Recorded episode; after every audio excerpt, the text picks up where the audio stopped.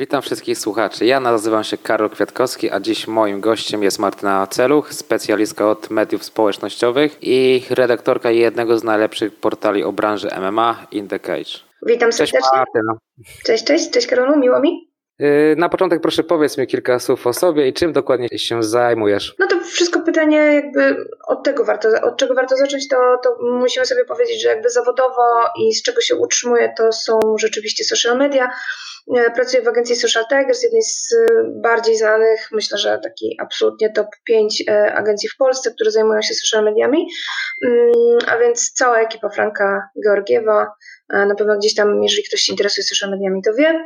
Ja jest, pełnię funkcję social media specialist, czyli takiej osoby, która spełnia dużo różnych funkcji dla um, klientów, którzy się zgłaszają do nas z, z prośbą o to, żeby prowadzić im social media od kontentu przez performance robię bardzo dużo różnych rzeczy mm, i to już od jakiegoś czasu, a poza tym, i to jest jakby y, takie hobby troszeczkę, które przerosło, czy z którego wyrosła funkcja w redakcji, mm, pracuję, robię wywiady, newsy i opiekuję się też social mediami w Indicage.pl, czyli w portalu e, branży MMA. A jak trafiłaś do sportu walki? Czy to była miłość od pierwszego wejrzenia?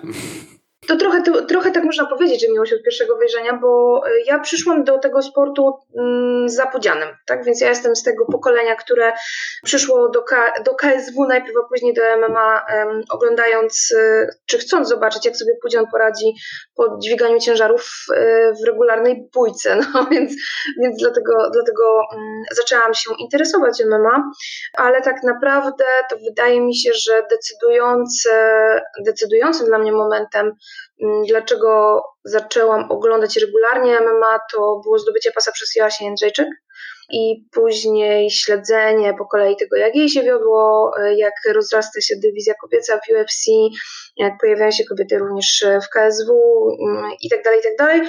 To jest taki chyba moment, e, który zadecydował o tym, że ze sportem zostałam, tak? E, no a w 2016 roku gdzieś tam zostałam zauważona, czy raczej moje komentarze Mm, na, w mediach społecznościowych zostały zauważone przez redakcję Indicage. Zgłosił do mnie aktualny naczelny, czyli Mariusz Okiewicz i porozmawialiśmy, zapytał mnie, czy chciałabym spróbować sił w pisaniu tekstów. E, ja z pisaniem tekstów nie miałam nigdy problemu, z wyrażaniem swojej opinii wprost i bez, bez jakiegoś tam powiedzmy zakłamywania sytuacji też, więc spróbowałam od jakichś felietonów, potem się okazało, że w newsach gdzieś tam się też znajduje. No a potem przyszły pierwsze wywiady i jakoś tak fajnie się to wszystko poukładało, że mam możliwość realizować się na różnych porach. Natomiast sama osobiście przyznaję, nigdy w życiu nie założyłam nikomu żadnej dźwigni. duszenie z zapleców to też czasami tylko jak mnie Mariusz wkurzy i to tyle. Nie? Więc nie, nie jestem usportowiona w tym sensie, że nie uprawiam tego sportu. Y, pozwalam sobie tylko siedzieć na, na tyłku na kanapie i go oceniać. Czy zawodnicy sportu walki muszą prowadzić swoje media społecznościowe? I powiedz mi, jakie są benefity prowadzenia takiego konta i jaki kanał społecznościowy powinni wybrać? Wiesz co, ja uważam, że w tej chwili, jeżeli nie macie w internecie, nie jesteś obecny, nie masz swojego, nie wiem, swojej strony internetowej jako firma, jako osoba publiczna, albo nie masz e, profilu na którymkolwiek z najbardziej popularnych w Polsce portali czy takich powiedzmy kanałów komunikacyjnych, jak, jak portale społecznościowe, to ci po prostu nie ma i ludzie tak cię odbierają. E, sama po sobie wiem, że jeżeli znajduję w internecie jakiś produkt, który mnie interesuje, to szukam w dużej mierze w pierwszej kolejności strony internetowej, a później patrzę po e, mediach społecznościowych i oceniam bardzo surowo, tak? Jeżeli to jest takie, to może, może się wydać śmieszne, bo teoretycznie lajkami nie płacisz rachunków, ale jeżeli widzę, że portal, że mm, powiedzmy, nie wiem, profil jest niewielki, e, mało aktywny i, i po prostu stanowi tylko taki jakiś gdzieś tam ślad e, w internecie, to, to nie podoba mi się to i nie mam zbyt specjalnego, specjalnie dużego zaufania wtedy na samym początku do firmy i podobnie jest z zawodnikami. Mm, jeżeli zawodnika nie ma w social mediach, e, jeżeli, bo wiadomo, niektórzy tylko zdecydują, decydują się na założenie swojej strony internetowej. To mają głównie amerykańskie gwiazdy y, UFC, bardzo rzadko się to zdarza w Polsce. Y, więc jeżeli nie macie na Facebooku, nie macie na Instagramie, nie macie na Twitterze, to ja nie wiem tak naprawdę, kim ty jesteś. I ja, wiesz, no, szukanie zawodnika na Sherdogu, na Topology, wyszukiwanie sobie jakichś informacji, to jest możliwe, ja wiem, gdzie tego szukać, ale jako Januszowa fanka nie miałam żadnego pojęcia, że tak sobie można znaleźć zawodnika, tak i czegoś więcej się nim, o nim dowiedzieć więc szukałam po prostu na portalach. A uważam, że zawodnik musi być w social mediach nie tylko ze względu na fanów, ale również ze względu na sponsorów. Mamy takie czasy i takie, taką taki poziom rozwoju branży MMA, zwłaszcza w Polsce, że no, znakomita większość zawodników nie może wyżyć tylko i wyłącznie z tego, że się bije. Jest grupka oczywiście takich zawodników, którzy potrafią już doskonale zmonetyzować swoje imię i nazwisko, nawet jeśli od dłuższego czasu nie walczą albo mają gdzieś tam jakieś przegrane w ostatnich walkach, to i tak e, ten ich fanbase jest duży, ale jest właśnie zbudowany dzięki między innymi temu, że są obecni od kilku lat w social mediach i że te swoje social media prowadzą bardzo e, aktywnie. Dla sponsora mm, produktem idealnym jest zawodnik, który mm, prowadzi dobrze swoje social media, więc jest aktywny, rozmawia z fanami, pokazuje się, e, ma też tych swoich kanałów, na przykład, no nie wiem, nie jeden, ale dwa, trzy, bo jest ileś tam wtedy możliwości dotarcia do, do takiego człowieka. No i spójrz na sponsorów, którzy ładują pieniądze w branżę MMA. To już nie są tylko takie czasy, że e, masz tam sponsorów odzieżowych, jakąś firmę dietetyczną, mm, czasem odżywki, tylko to są firmy naprawdę z bardzo wielu branż. Ja oczywiście rozumiem, że często to są prywatne powiązania, zwłaszcza gdy masz e, zawodnika, który dopiero zaczyna swoją karierę, a więc widzisz firma budowlana wujka, e, bramy jakieś albo nie wiem, chemia, chemia, tak widziałam też chemię budowlaną, Mm, albo e, firmy zajmujące się wyrobami ze skóry. Wiesz, widziałam różne, naprawdę, naprawdę bardzo różnych e, sponsorów, ale spójrz na Mariusza Podzianowskiego, Blachy Pruszyński, jego sponsor od wielu lat. I tego już, to już nikogo nie dziwi, tak, że taka firma pokazuje się e, osobom, które oglądają, są fanami Podziana i oglądają KSW, dlatego że w tej chwili no, MMA już jest takim sportem, który nie jest kojarzony tylko i wyłącznie z walkami w klatkach po piwnicach gdzieś i tak dalej, tylko jest uważany po prostu i słusznie za prawdziwy sport, więc ludzie, sponsorzy, firmy chcą się pokazywać przy okazji takich eventów i, i chcą istnieć e, na fanpage'ach e, zawodników, których e, sponsorują, więc nie masz fanpage'a, nie masz możliwości dotarcia do, z ofertą do sponsorów, do swoich fanów i pędza się, że tak powiem, zamyka. Jasne. A Powiedz mi, kiedy jest najlepszy moment na założenie konta społecznościowego? Czy wiąże się to z pierwszym sukcesem zawodnika, czy nie ma jakichś tam reguł i może to zrobić w każdej chwili? Wiesz co, ja może mam niepopularną opinię, ale uważam, że y, możesz sobie założyć fanpage w każdym momencie. Możesz sobie go założyć nawet na pierwszym czy po pierwszym treningu y, na macie MMA. Powiem Ci dlaczego to nie moment założenia fanpage'a jest ważny, ale to w jaki sposób się komunikujesz z ludźmi. Jeżeli ty e, zakładasz sobie fanpage po jednej walce wygranej w na, powiedzmy na Almie, tak, i mówisz witajcie moi fani, fajnie, że jesteście, dajcie pieniądze, albo otwarta droga dla sponsorów, piszcie na mail i na przykład jest mail Krzysztof Buziaczek małpka onet.pl, no to to jest cringe, tak? To czegoś takiego nie lubię i nie polecam, ale jeśli osoba nie wiem, wie, że po prostu chce wejść w to MMA i zakłada sobie fanpage, na którym pokazuje codzienne trudy związane z tymi treningami, z wyrzeczeniami, to jak się ona uczy i tak dalej i nie komunikuje do mnie jako do potencjalnego fana nawet, tak, w przyszłości, w taki sposób, że już jakby mnie kategoryzuje, więc ja jestem wielkim zawodnikiem, a ty jesteś moim fanem albo moim haterem, no nie? I mamy wszystkich już poszufladkowanych. Mm, tylko ktoś zakłada swój fanpage i opowiada o tym wszystkim i mówi do mnie jak normalny człowiek, to absolutnie jestem zdania, że może sobie założyć ten fanpage w każdej chwili. I tu nie musi być konto prywatne, tak? Bo wielu zawodników na przykład uważa, że jak ma konto prywatne pod imieniem i nazwiskiem, no to fajnie, bo można ich też wtedy oznaczać w postach. Nie, nie, nie można, tak? Lepiej jest mieć fanpage firmowy, ale to już później ze, ze względu chociażby na możliwość dostępu do statystyki i, i badania tego, kto nas ogląda i tak dalej. Więc zakładajcie, kochani, fanpage kiedy chcecie, tylko nie traktujcie swoich potencjalnych fanów, czytelników, osób, które Was śledzą, od razu jako, jako te osoby, powiedzmy takie, które przychodzą tam dlatego, że Was uwielbiają, bo Wy jesteście super zawodnikiem. Wy jeszcze nie macie podstaw, żeby uważać się za super zawodnika, ale my, jako ludzie tacy zwykli, którzy lubią ten sport i cenią sobie ludzi, którzy się poświęcają MMA, chętnie śledzimy takich młodych, um, takie młode osoby i patrzymy po prostu, co robią, jak się rozwijają. No a w przyszłości konieczne jest mieć e, social media, nawet dla takiego właśnie portalu jak In The Cage, który czasem jak chce oznaczyć jakiegoś nowego zawodnika, którego biorą na Babylon czy, czy na FEN, to nie może go znaleźć w social mediach się wkurza, tak, bo nawet nie wie, co to, kto, kto to jest, nie? Jasne. A powiedz mi, skąd zawodnik ma wiedzieć, co ma wrzucać na, na te media społecznościowe? Czy wystarczą mu tylko zdjęcia zwykłe z treningu, że właśnie był na treningu, czy coś jeszcze? Ty musisz sobie sam odpowiedzieć na pytanie, czego ty oczekujesz jako. Y, jesteś zawodnikiem, tak? Jesteś osobą, która powiedzmy trenuje MMA, masz za sobą jakieś tam starty na armię, nie wiem, przy, przymierzasz się do, pierwszego, do pierwszej walki zawodowej, albo masz już taką walkę zawodową ze sobą. Dużo się dzieje w Twoim życiu w związku z tym, z tym sportem, to sam doskonale wiesz, które momenty są takie, którymi warto się podzielić z ludźmi. To nie chodzi o to, żeby przez cały tydzień wrzucać regularnie, codziennie jeden post, bo on musi się pojawić, że byłem na treningu, że zjadłem coś i tak dalej, i tak dalej. Nie powinno się, w moim odczuciu, e, powinno się pisać o tym, co się ważnego żyje w, dzieje w życiu e, takiego zawodnika. E, trzeba się chwalić swoimi sukcesami, trzeba też czasami mówić o porażkach, trzeba pokazywać swoją taką ludzką twarz, bo im bardziej ludzki jest zawodnik, tym bardziej jest ceniony w Polsce. Tak, to, to mogę myślę, że powiedzieć na, na podstawie kilkuletnich doświadczeń. Mm, widzę po prostu, jak zawodnicy prowadzą swoje fanpage i wiem, że ci, którzy są najbardziej szczerzy w tym, co piszą i jak piszą, to są te osoby, które są też najlepiej y, odbierane.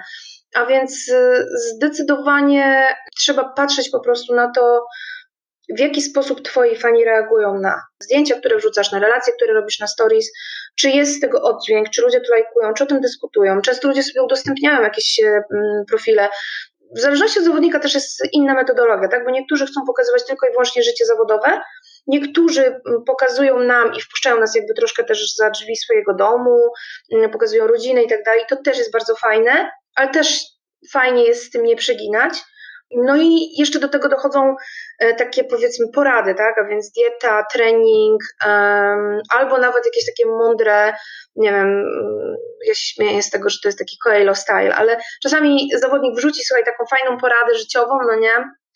E, jak to jemu jest na przykład ciężko, ale jak bardzo jest zmotywowany, to z tych kłopotów, e, nie wiem, i z tego dołka psychicznego wychodzi i tak dalej, i tak dalej. Na niektórych to działa, na niektórych nie, ale fajnie za czasu do czasu coś takiego wrzucić, żeby pokazać, że naprawdę ty też jesteś tylko, e, tylko człowiekiem i też możesz mieć jakiś problem, bo fanom MMA często wydaje się, że to są tylko maszyny do, do bicia się, tak? I to nie są zwykli ludzie. Mm, a tak nie jest. Wspomniałaś wcześniej o sponsorach. Profile mogą oglądać również właśnie osoby zainteresowane wsparciem zawodnika. Czy dobrze prowadzone media społecznościowe mogą pomóc zawodnikowi w podpisaniu kontraktu sponsorskiego? Oczywiście. Nie, no oczywiście. To jest tak, że Wiesz co, jest bardzo dużo, coraz więcej w zasadzie firm na polskim rynku, które są świadome tego, mm, jaką mają misję, z jakimi ludźmi lubią pracować, jakie marki chcą sponsorować, ze względu na to, że po prostu mm, wtedy dana marka czy dany zawodnik pasują im ogólnie pod takie wyobrażenie rzeczywistości, którą chcą wokół siebie kreować. I teraz y, mamy kilka takich marek, y, które mm, gdzieś tam od samego początku wiążą się nam w naszym pojęciu, wiążą się trochę ze sportami walki, a więc masz, nie wiem, Manto, Grand Game, Pitbulla, tak? To są firmy, które kojarzysz po prostu z, ze sportem, jakim jest MMA, no bo sponsorują większość zawodników i z tego, e, z tego są znani. I te marki, szukając sobie potencjalnych ambasadorów, mm, przeczesują właśnie. To nie jest tak, że przychodzi tylko menadżer i mówi: Słuchaj, mam fajnego zawodnika i tak dalej. Tak, oczywiście to się też dzieje, ale mm, bardzo często robią tak, że po prostu przeczesują sobie e, social media i szukają osób, które im odpowiadają. Co decyduje o tym, że komuś odpowiadasz? E, sposób na przykład patrzenia na niektóre tematy, tak? Ludzie, e, zawodnicy często na swoich fanpage'ach dzielą się swoimi jakimiś tam przemyśleniami na tematy religijne, społeczne, polityczne itd., tak itd. Tak I czasami to wystarczy, mm, żeby wzbudzić czyjąś uwagę, mm, a czasem po prostu jesteś na tyle kontrowersyjny, że super wpisujesz się po prostu w ideologię mm, danego potencjalnego sponsora, który też lubi zawsze być na bakier ze wszystkimi, pod prąd i tak. No Więc to, co jest istotne, to żeby też nie przeginać e, na przykład w Mm, jak już dostaniesz tego sponsora, w prezentowaniu e, jego produktów, to wszystko musi być bardzo naturalne. Więc e, często jest tak, że sponsor decyduje się na współpracę i na przykład po 3-4 miesiącach widzi, że albo zawodnik kompletnie się nie wywiązuje z pokazywania tego, czy chwalenia się tym sponsorem po prostu, albo z drugiej strony robi to w taki sposób, który nie do końca e, sponsorowi się podoba Niestety dalej jest tak, że wielu sponsorów oczekuje takiego bardzo nachalnego pokazywania produktu, usługi, wiesz, albo podkreślania w każdej możliwej wypowiedzi i tak dalej, i tak ale to się zmienia i to jest super, dlatego że mm, są też firmy, które po prostu chwalą sobie umiejętne wplatanie przekazu sponsorskiego w e, zdjęcia, w grafiki, w stories. E, spójrz na media Joasi Jędrzejczyk. Asia zawsze, od zawsze, od, od samego początku mówi, że współpracuje ona jako zawodniczka tylko i wyłącznie z markami, które jej odpowiadają, z którymi ona gdzieś tam zgadza się z misją, która, które to produkty na przykład sama sprawdziła yy, i tak dalej. Czyli masz tu jakby spojrzenie z drugiej strony, ale też ten sponsor może być wtedy spokojny, że to nie będzie zwykłe zdjęcie z buteleczką z napisem czyimś, tak, i wrzucam zdjęcie i podpisuję, a ja się dzisiaj już napiłam mojego soczku z firmy takiej i takiej. Aśka tego nie robi. Aśka robi to w taki sposób, że nawet na przykład jak udziela wywiadu, to dba o to, żeby coś stało obok niej, trzyma coś w ręku, ma coś na sobie, rozumiesz?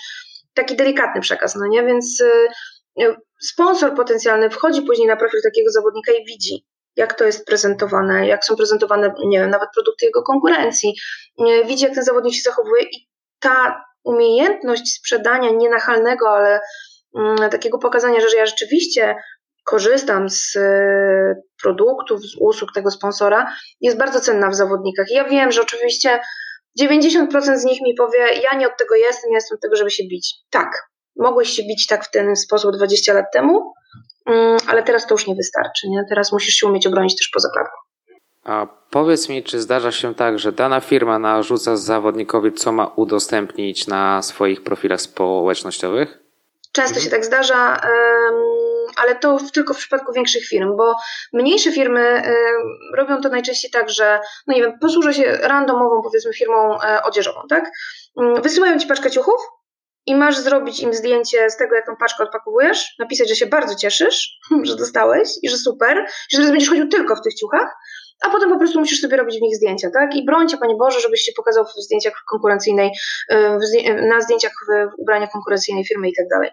Y, bardziej myślące firmy, mm, te, które już troszkę bardziej rozumieją procesy, które zachodzą wokół nas i to, w jaki sposób marketingowo trzeba się zaprezentować, mm, rozszerzają tą, tą taką, powiedzmy, współpracę i mówią dokładnie, czego chcą, tak?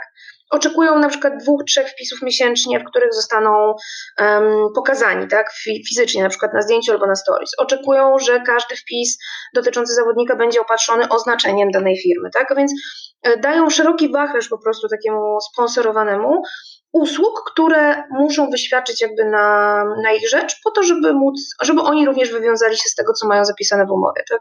Natomiast jeżeli chodzi o kwestie techniczne, Jakie zawodnik powinien założyć konto? Prywatne czy firmowe? Jakie są plusy generalnie założenia konta firmowego? Ujmując to krótko, to myślę, że zdecydowanie lepiej jest od razu założyć sobie fanpage e, niż mieć e, stronę prywatną, prywatny profil. Oczywiście możesz go sobie mieć, wiadomo. Zresztą nawet, żeby móc założyć fanpage, musisz mieć taką, taki, taki prywatny konto, żeby sobie go, żeby założyć sobie fanpage.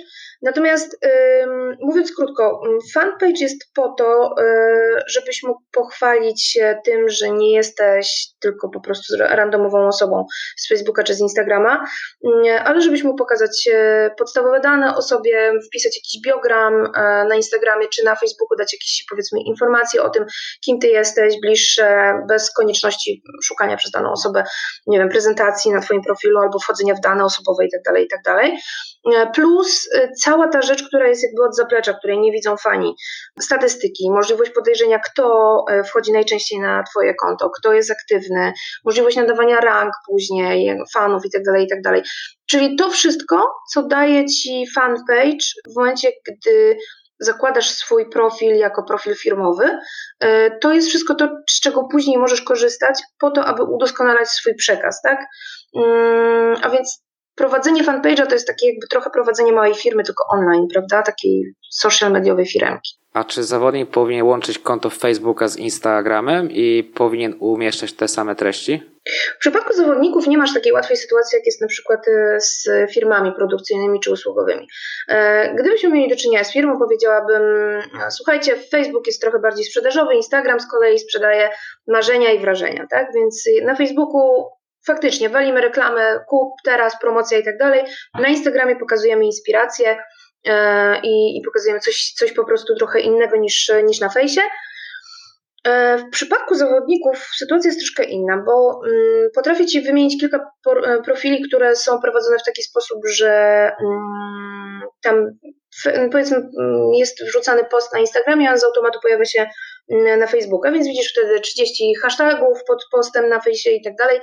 Średnio to wygląda, no ale jakoś tam swoją rolę spełnia. Dla kogoś jest to oszczędność czasu, bo wrzuca tylko raz, nie, nie musi się bawić z wrzucaniem tego na Facebooka, więc Dla takich osób rzeczywiście pewnie połączenie Facebooka i Instagrama to jest super sprawa, bo, bo nie trzeba poświęcać dwa razy więcej czasu na, na zrobienie e, postów. Z drugiej strony masz też takich zawodników, którzy decydują się na wrzucanie identycznych treści, tylko robią to osobno na Facebooku, osobno na Instagramie, mniej więcej w podobnym czasie. Zdjęcie jest zawsze to samo, tak samo docięte i tak dalej, ale na Instagramie dodatkowo pojawiają się hasztagi. I masz też zawodników, którzy pilnują tego, że albo są skupieni totalnie na jednym e, kanale komunikacji, więc są super aktywni na Instagramie, a na fejsie tylko po prostu obecni lub odwrotnie. I każde z tych rozwiązań jest na swój sposób dobre. Natomiast gdybyśmy chcieli to robić tak super profesjonalnie, to ja po pierwsze nie uważam, że to jest bez sensu wrzucanie tych samych treści na różnych kanałach, dlatego że nigdy nie masz gwarancji, że na um, profilu facebookowym i na profilu instagramowym śledzą cię dokładnie ci sami ludzie, najczęściej po prostu jest inaczej, choć oczywiście gdzieś tam komuś się powtórzysz, tak, z komunikatem. Można robić to taki sposób, żeby wrzucać e, te same treści, ale trzeba pamiętać o tym, żeby jednak trochę je dostosowywać do tego, jak, z jakim kanałem mamy do czynienia. Ja bym jednak zachowała ponieważ nie jestem zwolenniczką totalną stosowania hashtagów w przestrzeni Facebooka, więc zachowałabym te hashtagi jednak dla Instagrama. Na Facebooku poszłabym może trochę w jakieś infografiki, jeżeli masz, jesteś zawodnikiem, masz ambicje, żeby się podzielić mm, jakimiś poradami dietetycznymi albo treningami, to wrzucaj tam infografiki, rób tego typu rzeczy, ale Instagram odpuść. W Instagramie, e, na Instagramie pokazuj tylko i wyłącznie, albo przede wszystkim zdjęcia swoje właśnie z treningów, zdjęcia z kuchni, z domu, z dzieckiem, z psem, ze spaceru, rób storasy, bądź takim człowiekiem, tak? Pokazuj po prostu swoje życie w zakresie, którym chcesz się podzielić. Nie rób niczego na siłę, wiadomo. Ale, ale na Instagramie rób to po prostu troszeczkę bardziej na zasadzie takiego zdradzam troszkę więcej, co jest u mnie, tak? Facebook fanpage, możesz traktować bardziej biznesowo, tak? Więc yy, fajnie, że się ludzie dzielą mm, różnymi zdjęciami właśnie również na Facebookach i tak dalej, ale jednak dla mnie Facebook w, dziś, w dzisiejszych czasach jest bardzo taki właśnie bardziej sprzedażowy niż, niż Instagram, więc te treści na siłę wrzucanie różnych treści nie, moim zdaniem mija się z celem, e, ale to nie oznacza też, że nie można ich powtarzać, tak? Więc y, nie róbmy niczego na siłę. Może tak. Jak mamy fajną treść, dzielmy się wszędzie nią. Nie tylko na, na Facebooku czy na, na Instagramie, ale nawet na Twitterze, tak? Czyli na, w medium, które jest bardzo niedoceniane przez polskich zawodników, a na przykład Amerykanie głównie się skupiają na Twitterze i na, na Instagramie. Mhm. A jak już założymy swój profil społecznościowy i wymyślimy mu odpowiednią nazwę, musimy uzupełnić oczywiście rubrykę bio co ona powinna zawierać? Wpisujemy tam na przykład swój rekord zawodowy, czy w ogóle powinny się tam pojawiać inne treści? Wiesz co, y, bio to jest taka specyficzna rzecz na, na Instagramie. Bardzo wiele osób podchodzi do, do tego po macoszemu, tak? Czyli masz tam imię i nazwisko napisane, nawet nie masz napisane, że to jest zawodnik MMA czy cokolwiek, tak? Mm, więc tu już widzisz różnicę pomiędzy e, profilem instagramowym, prywatnym, a, e, a firmowym, nazwijmy, tak? No bo tym, na tym profilu firmowym masz od razu możliwość znalezienia, nie wiem, kontaktu do zawodnika, odnośnika na przykład na jakiś fanpage, tego typu rzeczy. Mm, a na prywatnym koncie zazwyczaj masz po prostu imię i nazwisko i jak ktoś się przyłoży, no to coś tam napisze sobie dwa zdania, tak? Zawodnik MMA czy cokolwiek. E, ja uważam, że e, w porządnym mm, profilu bio takiego zawodnika powinno się znaleźć poza imieniem i nazwiskiem e, nazwa organizacji, w której walczy, rekord jak masz się czym pochwalić, to dawaj, jak masz 1,4 albo 1,8, to może niekoniecznie, więc tutaj, tutaj bym raczej uważała. E, ale tak, chwal się organizacją, chwal się rekordem, pisz o swoich sukcesach. Jeżeli masz e, tytuł mistrzowski w BJJ, oddawaj. Jeżeli jesteś utytułowanym kickboxerem, przyszedłeś do MMA, dawaj. E, to, że jesteś kickboxerem, pisz o tym i tak dalej. A więc dosłownie też jakby nie wolno przesadzić ale wypunktuj. Jeśli masz dużo tego, to sobie to wypunktuj, tak? I ja wchodząc na profil zawodnika, chciałabym się dowiedzieć, gdzie, z kim on jest w tej chwili y, związany. Niekoniecznie poznać nazwę jego sponsora, bo wiem, że większość zawodników w tej chwili tak robi, tak? Czyli na przykład, no nie wiem, Pitbull Team. Fajnie, że jesteś Pitbull Team, może twój sponsor od tego, tego od ciebie mm, wymaga, ale ja bym chyba jednak wolała wiedzieć, w jakim klubie y, trenujesz to MMA i w jakiej organizacji walczysz, nie? Więc y, zawsze, gdy jestem pytana o takie rzeczy, to mówię, stawiaj się w roli swojego odbiorcy. Jak ten odbiorca wchodzi na Instagram i no widzi, nie wiem, Patryk Kowalski, tak? No to Patryk Kowalski, fajnie, ale ja nic więcej o tobie nie wiem, Patryku Kowalski, tak? Więc chciałabym wiedzieć, że jesteś zawodnikiem z rekordem takim takim, uczysz się MMA w takim takim klubie, e, walczysz dla takiej takiej organizacji. Fajnie by było to wiedzieć. No i oczywiście pamiętajmy o tym, że w bio to jest jedno z niewielu miejsc na Instagramie, w którym działają linki, więc jeżeli chcesz się kimś pochwalić i na przykład właśnie masz sponsora, którego chciałbyś mm, zaprezentować, albo chciałbyś zareklamować swój klub, bo jest jeszcze mały, a zasługuje na to, żeby, żeby więcej osób go znało, to tu wpierdzielamy linki. Mhm. Jak zapewne wiesz, dużo się mówi o algorytmach Facebooka czy Instagrama. Często też słyszę, że komuś zdjęcia, które publikuje, nie docierają do jego odbiorców. I powiedz mi, czym tak naprawdę jest ten algorytm? No, uwielbiam słowo e, właśnie e, algorytm Facebooka, algorytm Instagrama. Um, to jest trochę jak z Duchem Świętym, nie? że wiesz, wierzysz w niego istnienie, co nie? I po prostu wiesz, że ktoś tam gdzieś um, kieruje twoim losem, a, ale tak do końca nie wiesz, na jakiej zasadzie działa. I tak trochę jest z Facebookiem i z Instagramem. Teoretycznie um, wiemy więcej czego nam nie wolno, niż co powinniśmy robić, tak? Więc dużo rzeczy robi się na czuja, ale bazując na doświadczeniach wielu osób i tam powiedzmy poprzednich, e, mm, czy osób, które gdzieś tam siedzą w tym od, od, kilku, od kilku lat i badają to i zagłębiają się w szczególiki, dowiadują się po prostu, starają się dowiedzieć więcej, albo mm, jakby, nie wiem, robią doświadczenia, tak, i sprawdzają, jak to działa, to możemy powiedzieć tak, że to, czego nie lubi Facebook, to, to są powtarzalne treści, nieregularność, taka w sensie, że na przykład porzucasz swoich fanów, i to mówię w, tych, w tej chwili o Instagramie i o Facebooku, tak, czyli o takich ogólnych zasadach. Porzucasz swoich fanów na przykład na dwa miesiące i wrzucasz raz post na dwa miesiące, trzy razy w, nie wiem, w miesiącu, robisz to nieregularnie, te treści są niedbałe, wrzucasz duże bloki tekstów, które nie budzą zainteresowania, a jak nie budzą zainteresowania, nikt ci tego nie polajkuje, nie skomentuje, nie poda dalej, to Facebook patrzy na ciebie oraz Instagram krzywym okiem, tak? Czyli jesteś po prostu treścią, której nie warto podawać dalej, nie, robić, nie warto robić takiej, takiej treści zasięgów. Jeżeli e, dbasz o swoich fanów, e, wrzucasz angażujące treści, ludzie ci to lajkują, szerują, komentują, dyskutują z tobą, ty wchodzisz w tę dyskusję z, z takimi osobami, to Facebook, algorytmy Facebooka uczą się e, z czasem, że twoje treści warto e, podpromować zrobić im lepszy zasięg, bo ludzie się tym interesują. I wtedy wyświetla te treści osobom, które potencjalnie mogą być Twoimi followersami. I tak samo działa to i na Facebooku, i na Instagramie. Na Instagramie dodatkowo mamy jeszcze coś takiego jak e, hasztagi. E, i dzięki tym hashtagom również jesteś w stanie mm, uporządkować tą treść i jakby od razu napisać, czy dać taką taki wyznacznik Instagramowi, pod jaką kategorię powinien Cię pod, podciągnąć i komu się możesz wyświetlać. Więc ponieważ też od niedawna można śledzić mm, po prostu po hashtagach, tak, jakieś tematy, no to jak ktoś korzysta z hashtagów, jest świadom ich znaczenia, to fan cię sam znajdzie, tak? Wrzuci, wrzuci hashtag typu KSW, który jest bardzo popularnym hashtagiem na przykład w MMA i po tym hashtagu cię znajdzie, wejdzie sobie na twój profil, nie? Więc y, jest ileś różnych wyznaczników. Dla mnie y, najważniejsza rzecz, zresztą jakby obiektywnie patrząc, najważniejszą rzeczą jest wrzucanie właśnie angażującej treści. Bo jak y, angażujesz swojego fana, to nawet jakbyś miał ich 300, to Face szybko się nauczy, że warto te twoje treści, e, warto tym twoim treściom robić po prostu zasięgi. Natomiast jeżeli chodzi o hasztagi i hasztagi związane ze sportami walki, to powiedz mi, czy możemy wpisywać wszystkie, jakie przyjdą nam do głowy, czy powinniśmy jakieś pomijać?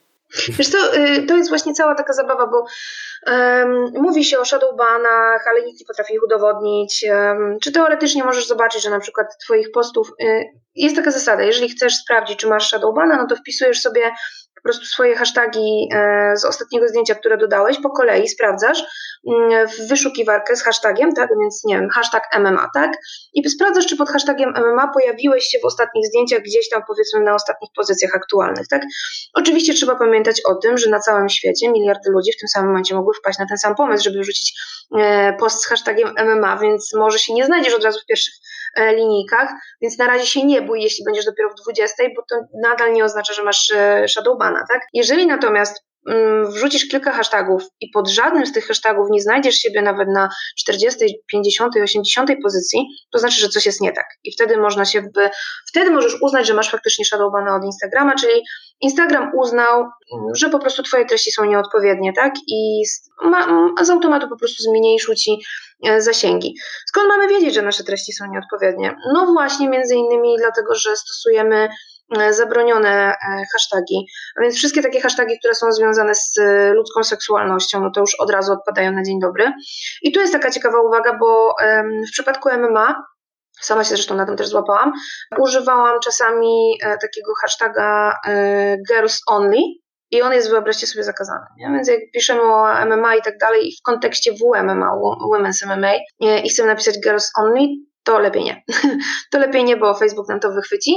Tak samo, jeżeli ktoś jest fanem Karate Hoti, czyli Michelle Watterson, to odradzam pisać Hoti samo z hashtagiem, bo też was zbanują nie? za jakiś czas po prostu, bo samo słowo Hoti jest po prostu jednym z hashtagów zbanowanych przez, przez Instagrama. E, ogólnie stosowanie hashtagów jest mega ważne i mega korzystne dla budowania zasięgów, więc nie wolno z tych hashtagów rezygnować. Natomiast warto stosować kilka prostych zasad, tak? Stosować duże i małe hasztagi, a więc y, małym hashtagiem będzie na przykład relatywnie w porównaniu do całego świata indicage.pl. To jest hashtag, który my stosujemy pod swoimi e, postami mm, i które też stosują nasi fani, patroni i tak dalej, którzy gdzieś tam wrzucają e, posty, nie wiem, ze spotkań z nami, z gal, MMA i tak dalej. Tych hashtagów, e, czy postów pod tym hashtagiem dużo nie ma, więc to jest taki mały hashtag, ale hashtag, który warto budować, prawda? Z drugiej strony masz duży hashtag UFC, MMA, KSW, tak, relatywnie na naszym polskim rynku. Czy trzeba rezygnować z takich dużych hashtagów, bo nie ma szans na przykład, że się wyświetlisz komuś na 10 czy na 15 pozycji, jak ktoś zacznie przeglądać e, ten hashtag? Absolutnie nie. Warto stosować duże hashtagi, ale trzeba je umiejętnie miksować z tymi mniejszymi, pod którymi jest szansa, że Instagram umieści nas po prostu trochę wyżej. Co jeszcze ważne, ja wiem, że bardzo łatwo jest się wycwanić i sobie e, przygotować taki blok hashtagów, które trzeba umieścić pod każdym postem, e, a potem tylko kopiować i wstawiać. No więc kochani, tak to nie działa. Instagram jest od nas mądrzejszy. Kiedyś może działało, teraz nie. Jeżeli będziemy tak robić e, i wstawiać sobie gotowe hasztagi, to Instagram mimo wszystko będzie nam z czasem obcinał zasięgi, bo potraktuje nas jako automat. Więc y, zdecydowanie lepiej jest, ja wiem, że to jest robota, no, ale zdecydowanie lepiej jest zamieścić trochę mniej tych hashtagów, ale wpisać je ręcznie pod każdym postem, który, y, który zamieszczamy, tak? Tak, to prawda. I też to zauważyłem, że jak sam wpisuję hasztagi, widzę, że polubień jest zdecydowanie więcej, a jak zrobię kopię w klej i zaglądam w statystyki, wygląda to zdecydowanie gorzej. Mimo tego, że mam jakąś ciekawą treść do przekazania. Kończąc jeszcze, jakby, jeśli pozwolisz, e, temat hashtagów, to chciałam tylko zwrócić jedną, mm, uwagę na jedną rzecz. Z takie słowa, które potencjalnie byłyby problematyczne, jak na przykład blood, mm, fighter, workout, znaczy może work hard i tak dalej, tak? Mm, wyobraźcie sobie, że to nie są hasztagi zabronione, więc można ich na luzie totalnie używać pod każdymi, e, pod każdymi postami, ale warto pamiętać o tym, że Instagram się zmienia i co jakiś czas sobie dorzucają słowa blokowane, więc co jakiś czas również radzę zrobić taki mały test i posprawdzać te słówka, których najczęściej używamy. Jak się sprawdza, czy słowo jest zablokowane? No wrzucacie go razem z hashtagiem w wyszukiwarkę na Instagramie, tak jakbyście szukali po prostu każdego innego hashtaga i przewijamy trochę feed. Jeżeli pojawi nam się komunikat, że to słowo zostało zbanowane, bo coś tam, no to już wiecie, że lepiej tego słowa nie, nie stosować w hashtagu i tyle. Także to taka ważna informacja i wskazówka i apeluję do zawodników, stosujcie te hasztagi, bardzo Was proszę, bo widzę, że bardzo wiele osób po prostu tego nie robi, a to jest y, mega marnotrawstwo. Rzucacie fajne, wartościowe treści, a hasztagi naprawdę mm, bujają nam ten zasięg y, i robią to zupełnie za darmo, więc skoro nie trzeba płacić, to czemu nie korzystać? Mhm. A co w takim razie z Insta Story? Czy tam też wpisywać hasztagi? tak, im więcej razy stosujesz hasztagi. Słuchaj, no, Stories jest inną formą korzystania z kanału Instagram, ale jest też formą, którą ocenia ten sam algorytm. A więc y, jeżeli to nie chodzi o to, żeby napakować tych hashtagów jak szalony, ale najbardziej odpowiednie hasztagi do danej treści super robotę robią. Instagram Stories to też jest coś, co zbiera zasięgi, to też jest coś, co decyduje o pozycji Twojego fanpage'a mm, na Instagramie, więc y, jak najbardziej stosujmy te hasztagi. Y, ja tutaj muszę się pić w pierś, bo najczęściej zamiast stosować hasztagi po prostu oznaczam kogoś, kto jak wrzucamy jakieś treści na, na Stories, ale tak, zdecydowanie jak wrzucam hasztagi, to widać, widać wzrost zasięgu. Zauważyłem też, że często na Instastory te hasztagi są ukrywane tak, że odbiorca ich nie, nie widzi w naszej relacji. Często są zmniejszane przez twórców do mikroskopijnej postaci. Czy Instagram je również wyłapuje? Wiesz co, y, Instagram zawsze to wyłapie, no bo to automaty wyłapuje po prostu jakby znaki, tak, a nie, a nie to, czy jakie one, one, są, one są wielkości, y, a są zmniejszane ze względu na to, żeby nie zaśmiecać przekazu, no bo wiesz, oglądasz stories i ten obraz błyskawicznie ci znika, tak, więc tam masz, nie wiem, 15 sekund, które, przez które możesz skupić tą uwagę, czy nawet 10, Mm, więc raczej ważniejsze jest podkreślenie, jeśli chcesz coś dopisać do obrazka albo nie mówisz nic, tylko właśnie jest obrazek statyczny, czy tam nagranie bez, bez głosu i tak dalej, to zawsze chcesz, żeby ktoś zwrócił uwagę na mm, to, co chcesz przekazać, a nie przy okazji na kategorię, tak? Bo hashtag jest po prostu znacznikiem kategorii. Więc y, zmniejszanie to jest dobra rzecz, mądra rzecz, bo stosowanie hashtagów jest czymś fajnym i koniecznym na, na stories, ale nie zaśmieca ci treści. No wyobraź sobie, że chciałbyś na przykład zamieścić pięć hashtagów, do tego oznaczyć trzy osoby i jeszcze napisać, co jest, nie wiem, zapraszamy na live'a i na wspólne komentowanie gali um, UFC, tak?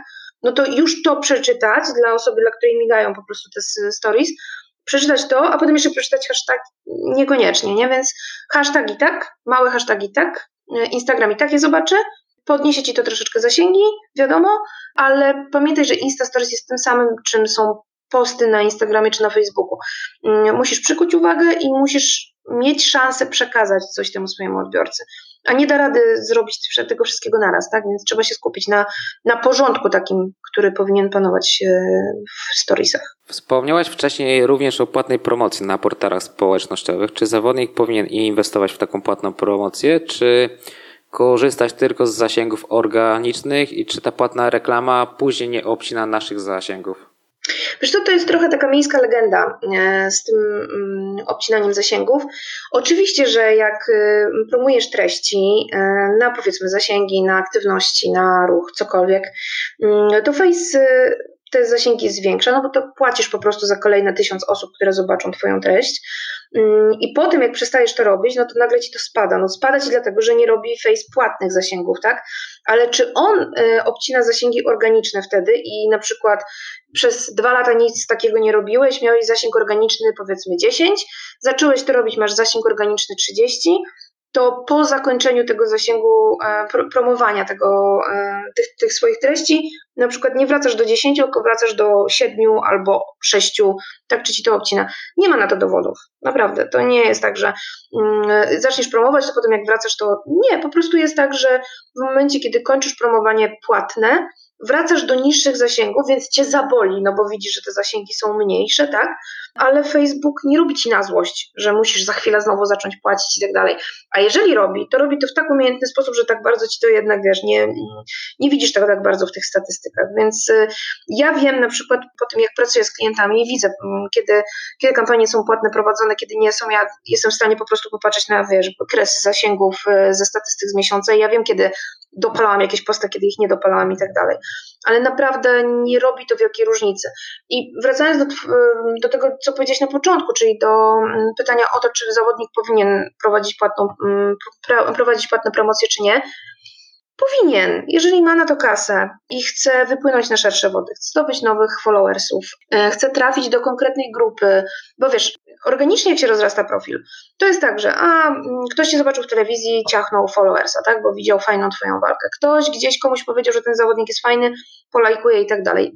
To jest fajne, ale to trwa. A sponsorzy w tej chwili patrzą na wszystko na takim profilu, tak, więc y, ta ilość lajków pod y, zdjęciami, y, jak cię proszą na przykład o zasięgi, bo musisz pokazać, zanim taki sponsor da jakąś kasę, no to chce zobaczyć, jakie masz zasięgi i tak dalej to zawsze warto te parę złotych przeznaczyć na to, żeby się troszkę podpromować i urosnąć trochę szybciej, tak? A mm, możliwość targetowania reklam do odpowiedniej grupy fanów na Facebooku, czy potencjalnych fanów, daje ci to, że na Twój profil trafią faktycznie osoby zainteresowane, tak? No więc nie musisz strzelać na oślep swoją ofertą czy swoim, swoim profilem, tylko strzelasz do tych osób, które mm, potencjalnie mogą być faktycznie Twoimi followersami. Więc jeśli masz na to kasę, to to rób, tylko rób to umiejętnie. Nie zapraszaj do polajkowania profili kogokolwiek, bo tylko wywalisz pieniądze z przepalania budżetu. Ale to nie jest konieczność też, kochani. Słuchajcie, znam kilku zawodników, którzy mają po kilkaset tysięcy osób, e, followersów na Instagramie, na, na Facebooku i tak naprawdę nigdy nie splamili się e, płatną promocją, tak? Nigdy, nigdy im się to nie zdarzyło. E, mają wystarczająco dobrą promocję dzięki temu, że e, walczą, dają dobre walki, wrzucają dużo fajnych, angażujących treści, są aktywni i tym sobie zdobywają po prostu followersów i, i, i aktywności i zasięgi, więc to nie jest regułą, ale to się zawsze przydaje. A czy zawodnicy zatrudniają osoby, które zajmują się ich mediami społecznościowymi? Czy często się to zdarza? Bardzo rzadko. E, jeżeli ktoś inny prowadzi social media zawodników, to zazwyczaj jest jego menadżer. No i teraz sobie wyobraź, bo tych menedżerów w Polsce jest kilku. I teraz sobie wyobraź takiego e, biednego Pawła Kowalika albo Artura Ostaszewskiego, albo nie wiem, Artura Gwoździego i tam siedzą i mają po prostu, ja to się zawsze śmieję, że to jest, był taki mem kiedyś, chyba z y, Alim Abdelazizem, tak? Y, Ali Abdelaziz, który prowadzi praktycznie wszystkie social media swoich zawodników, typu, znaczy prowadzi wszystkie, no nie wszystkie prowadzi, ale do wszystkich ma dostęp, tak? I wyobrażasz sobie takiego gościa z panelem, na którym jest 40 telefonów komórkowych i on jednocześnie pisze kilkadziesiąt tweetów, no nie, w imieniu różnych swoich zawodników dla uporządkowania, no bo ja mam sama dostęp do iluś tam profili, powiedzmy, klientów, tak? I raz z ręką na sercu przyznaję się, zdarzyło mi się wrzucić nie tą treść, znaczy właściwą treść na niewłaściwe profil, tak? Więc zawsze się śmieję z tego, że, że jak zawodnik nie prowadzi swoich social mediów, na pewno robi to jego menadżer i mało tego, jestem nawet w stanie powiedzieć, którego posta napisał y, w przypadku niektórych zawodników, którego posta napisał ten zawodnik, a którego napisał na, zamiast niego jego menadżer, nie? więc y, mm, bardzo często, że ktoś śledzi te media na bieżąco, to jest w stanie tak, tak powiedzieć, czy tak, taki wniosek jakby wysnuć. No oczywiście nigdy nie masz stuprocentowej pewności, że masz rację, ale bardzo często jednak tak, tak właśnie jest jest mało zawodników, osobiście znam chyba tylko no, trzy osoby, które mi się przyznały, że ktoś inny prowadzi, to jest, to jest firma, e, a reszta zawsze utrzymuje, że prowadzi sama i w rzeczywistości w większości tak jest. Te posty takie obowiązkowe, ja się śmieję, które, e, których wymaga sponsor, które trzeba wrzucić, bo wypada, bo za tydzień walka, to czasami właśnie stawiają menedżerowie i to też są takie posty, wiesz, ładne, ugrzecznione zdjęcie z treningu, oznaczeni wszyscy sponsorzy, wszystko pięknie, jestem w formie i tak dalej. To bardzo często są posty menedżerów. E, ale jeżeli ktoś korzysta już z pomocy e, firmy profesjonalnej, to moja rada jest taka: każdą treść mimo wszystko przepuszczajcie przez filtr własnej głowy. Nie podoba mi się, nie, nie jestem zwolenniczką takiego podejścia, żeby ktoś mógł przejąć social media i taką markę osobistą, którą jest przecież zawodnik, i pisać posty według siebie, według własnego uznania, wrzucać kontent, który niekoniecznie takiemu zawodnikowi się będzie podobał, bo to zawsze wyjdzie to zawsze wyjdzie po prostu i to nigdy nie wychodzi na dobre zawodnikowi. Więc y, super rozwiązaniem jest to, co, y, o czym opowiada Janek Błachowicz. Wiadomo, że y, Janka Błachowicza, czy Janek Błachowicz sam przez długi czas prowadził swoje social media, potem gdzieś tam pomagała mu Dorota, jego narzeczona i menedżerka w jednym i wiem, że dalej gdzieś tam mu pomaga, tak, przy pisaniu chociażby treści po angielsku i tak dalej, bo Janek teraz się taki bardziej internacjonalny zrobił i chwała Bogu, ale też ma kogoś, kto wrzuca, że tak powiedzmy, tak, ma kogoś, kto wrzuca te treści na Twitter, na, na Instagram, ale zawsze te treści przechodzą przez niego. Janek mówi, że nie wypuścił nigdy niczego, co, czego by nie zaakceptował, czego by nie przeczytał wcześniej, nie zobaczył. I to jest super, bo ty wtedy wiesz, że to, co czytasz na profilu zawodnika, to jest naprawdę on, to jest naprawdę autentyczne i tyle. I to jest chyba najważniejsze, to właśnie ta autentyczność. Więc y, korzystajcie z pomocy y, profesjonalistów, zwłaszcza jeśli chcecie promować y, swoje treści. Jeśli chcecie, żeby ten profil był lepszej jakości, to jak najbardziej, ale nie dajcie się przykryć czapką. Y, to musicie być wy cały czas. Nawet jeśli tam mają być błędy ortograficzne, to czasem niech będą trudno. Ja wtedy wiem, że to rzeczywiście pisał zawodnik, a nie ktoś za niego. Mhm. Jeżeli chodzi o Janka, to widać, że ostatnio bardzo mocno uaktywnił się na swoich profilach społecznościowych i wydawało mi się właśnie, że przekazał swoje profile komuś do prowadzenia, ale jest to prowadzone tak naturalnie, że można śmiało powiedzieć, że osoba odpowiedzialna za jego profile robi to bardzo dobrze i można powiedzieć, że to jest w rzeczywistości Janek i bardzo fajnie to jej wychodzi. Zgadza się. Wiesz, mnie średnio obchodzi, które ręce dokładnie wpisały treść, no nie? Które ręce wpisały treść, wstawiły zdjęcie i tak dalej. Tylko wydaje mi się też, że tak jest że z Jankiem, że nie wiem, czy zwróciłeś uwagę, ale pewnie tak, że przez bardzo długi czas Janek obrywał od fanów, że jest mało aktywny, że nie potrafi szczekać w internecie, że czasem trzeba sobie coś wykrzyczeć, a że on jest takim zawodnikiem, który tego nie robi. No ale spójrzmy na to, jak się Jankowi wiodło w UFC. E, Janek miał bardzo trudne momenty, były też takie chwile, kiedy już nawet najwięksi fani Janka wątpili już po prostu w tą jego osobę, w sensie w to, że on się utrzyma w UFC i tak dalej. Nawet ja E, wątpiłem. No więc właśnie, No, wiesz, ja, ja, a- ja, na, ja na walce Janka z Gustafsonem to normalnie ryczałam, tak? Ja od drugiej, od drugiej rundy już ryczałam po prostu. Pamiętam, to był e, after po jakiejś gali Ladies Fight Night i tak dużo nas oglądało tą galę razem i tam wiesz, byli też zawodnicy inni i tak dalej, i tak dalej. I ja normalnie nie mogłam, ja wyszłam. Ja po prostu wyszłam i gdzieś tam z kąta wiesz, oglądałam do końca tą walkę, bo po prostu nie byłam w stanie tego oglądać. I słuchaj, jeżeli w takiej chwili zawodnik mimo wszystko dalej yy, szczeka w mediach i tak dalej, wiesz, znamy wielu takich zawodników, którzy mimo, że przegrają, to zawsze albo im się buty źle kiwały, albo mieli gorsze przygotowania, albo źle ścinali wagę, cokolwiek, i piszą jakieś bzdury i dalej zachowują się arogancko w internecie, to nie jest fajne. I Janek po prostu jest sobą. Jak mu się nie wiodło, to ogon pod siebie i na salę treningową, tak? I tam robił robotę, a nie, a nie w mediach. Więc absurdem byłoby po prostu wymaganie od niego, żeby w tym czasie gdzieś tam szczekał bądź, bądź nie. Po tym, jak wygrał jedną walkę, drugą walkę, tak, odbił się, Pam- pamiętasz, gala UFC w Gdańsku yy, i to piękne duszenie, tak, yy, na Devinie Clarku, no przecież, no Jezu, no tam cała hala szalała, tak, Janek szczęśliwy, w ogóle wygrał przed swoją publicznością, to też pewnie była walka, która zadecydowała o tym, że w ogóle pozostał w UFC i potem, wiesz, zaczął się powoli odbijać, pojawił się na coraz to wyższych miejscach w rankingu UFC i ludzie oczekiwali, że nie wiem, po tej pierwszej czy po tej drugiej wygranej on już zacznie szczekać o Johna Jonesa, o to, żeby bić się, nie wiem, z Daniel Corrierem, który wtedy był mistrzem, czy... no kurde, no jakiś absurd po prostu, tak? No tak, Nie, nagle, nagle myśleli, że Janek się stanie takim drugim konorem ma Dokładnie. Gregora, że, Dokładnie. że to będzie wszystkich wyzywał, bo on najlepszy. A po co? Po co? I teraz na przykład stwierdzenie, że ktoś y, zabrał y, Jankowi loginy do Twittera i to wrzuca za niego treści i tak dalej, też gówno prawda. Nie, ja nie jestem w ogóle, z- znaczy może jest ktoś, kto mu doradza, no na pewno Janek nie jest tym wszystkim sam, tak? On ma wokół siebie grupę ludzi, którzy go uwielbiają, kochają i tak dalej i dobrze mu doradzają, więc czasem te treści nawet mogą nie być, to nie, może być zdanie ułożone nie przez Janka, ale według jego pomysłu, albo coś, co mu się spodobało, co sobie wychwycił i tak dalej. I tego się pojawia coraz więcej, dlatego że Janek jest bardziej pewny siebie. Janek sam mówił o tym, że on miał kilka razy takie momenty załamania, że sam się zastanawiał, co dalej, nie?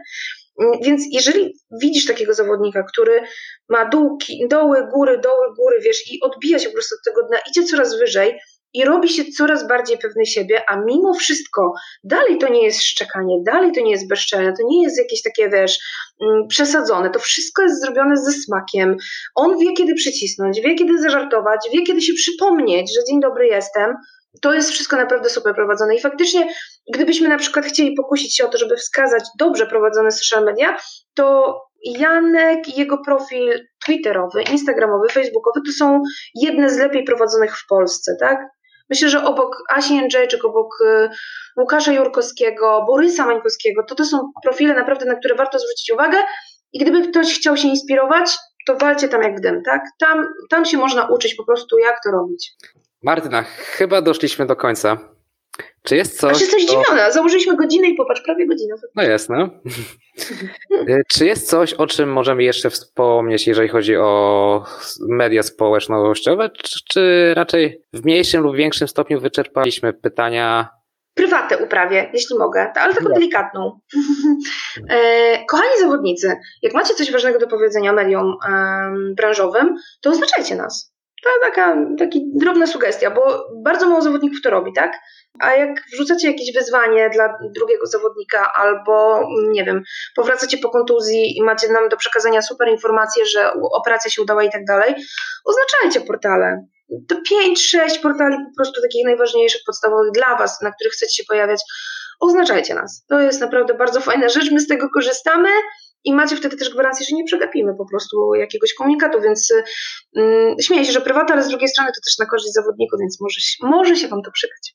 Jeszcze raz bardzo dziękuję Ci za rozmowę. Myślę, że udało nam się przekazać bardzo istotne informacje. Na koniec proszę mi powiedz, gdzie można Ciebie znaleźć, jeżeli słuchacze chcieliby się z Tobą skontaktować. Kochani, jakbyście chcieli uzyskać jakąś poradę dotyczącą prowadzenia social mediów, to można walić jak w tym na mojego maila firmowego martyna.celuch.socialtigers.pl ale możecie mnie też znaleźć e, pewnie najszybciej na grupie naszej facebookowej MMA Polska Endy Świat, taki zapis. To jest ta grupa, która ma około 30 tysięcy fanów, to tak nas łatwo znajdziecie. I możecie pisać do mnie też na Messengerze na Martyna Celuch na konto prywatne.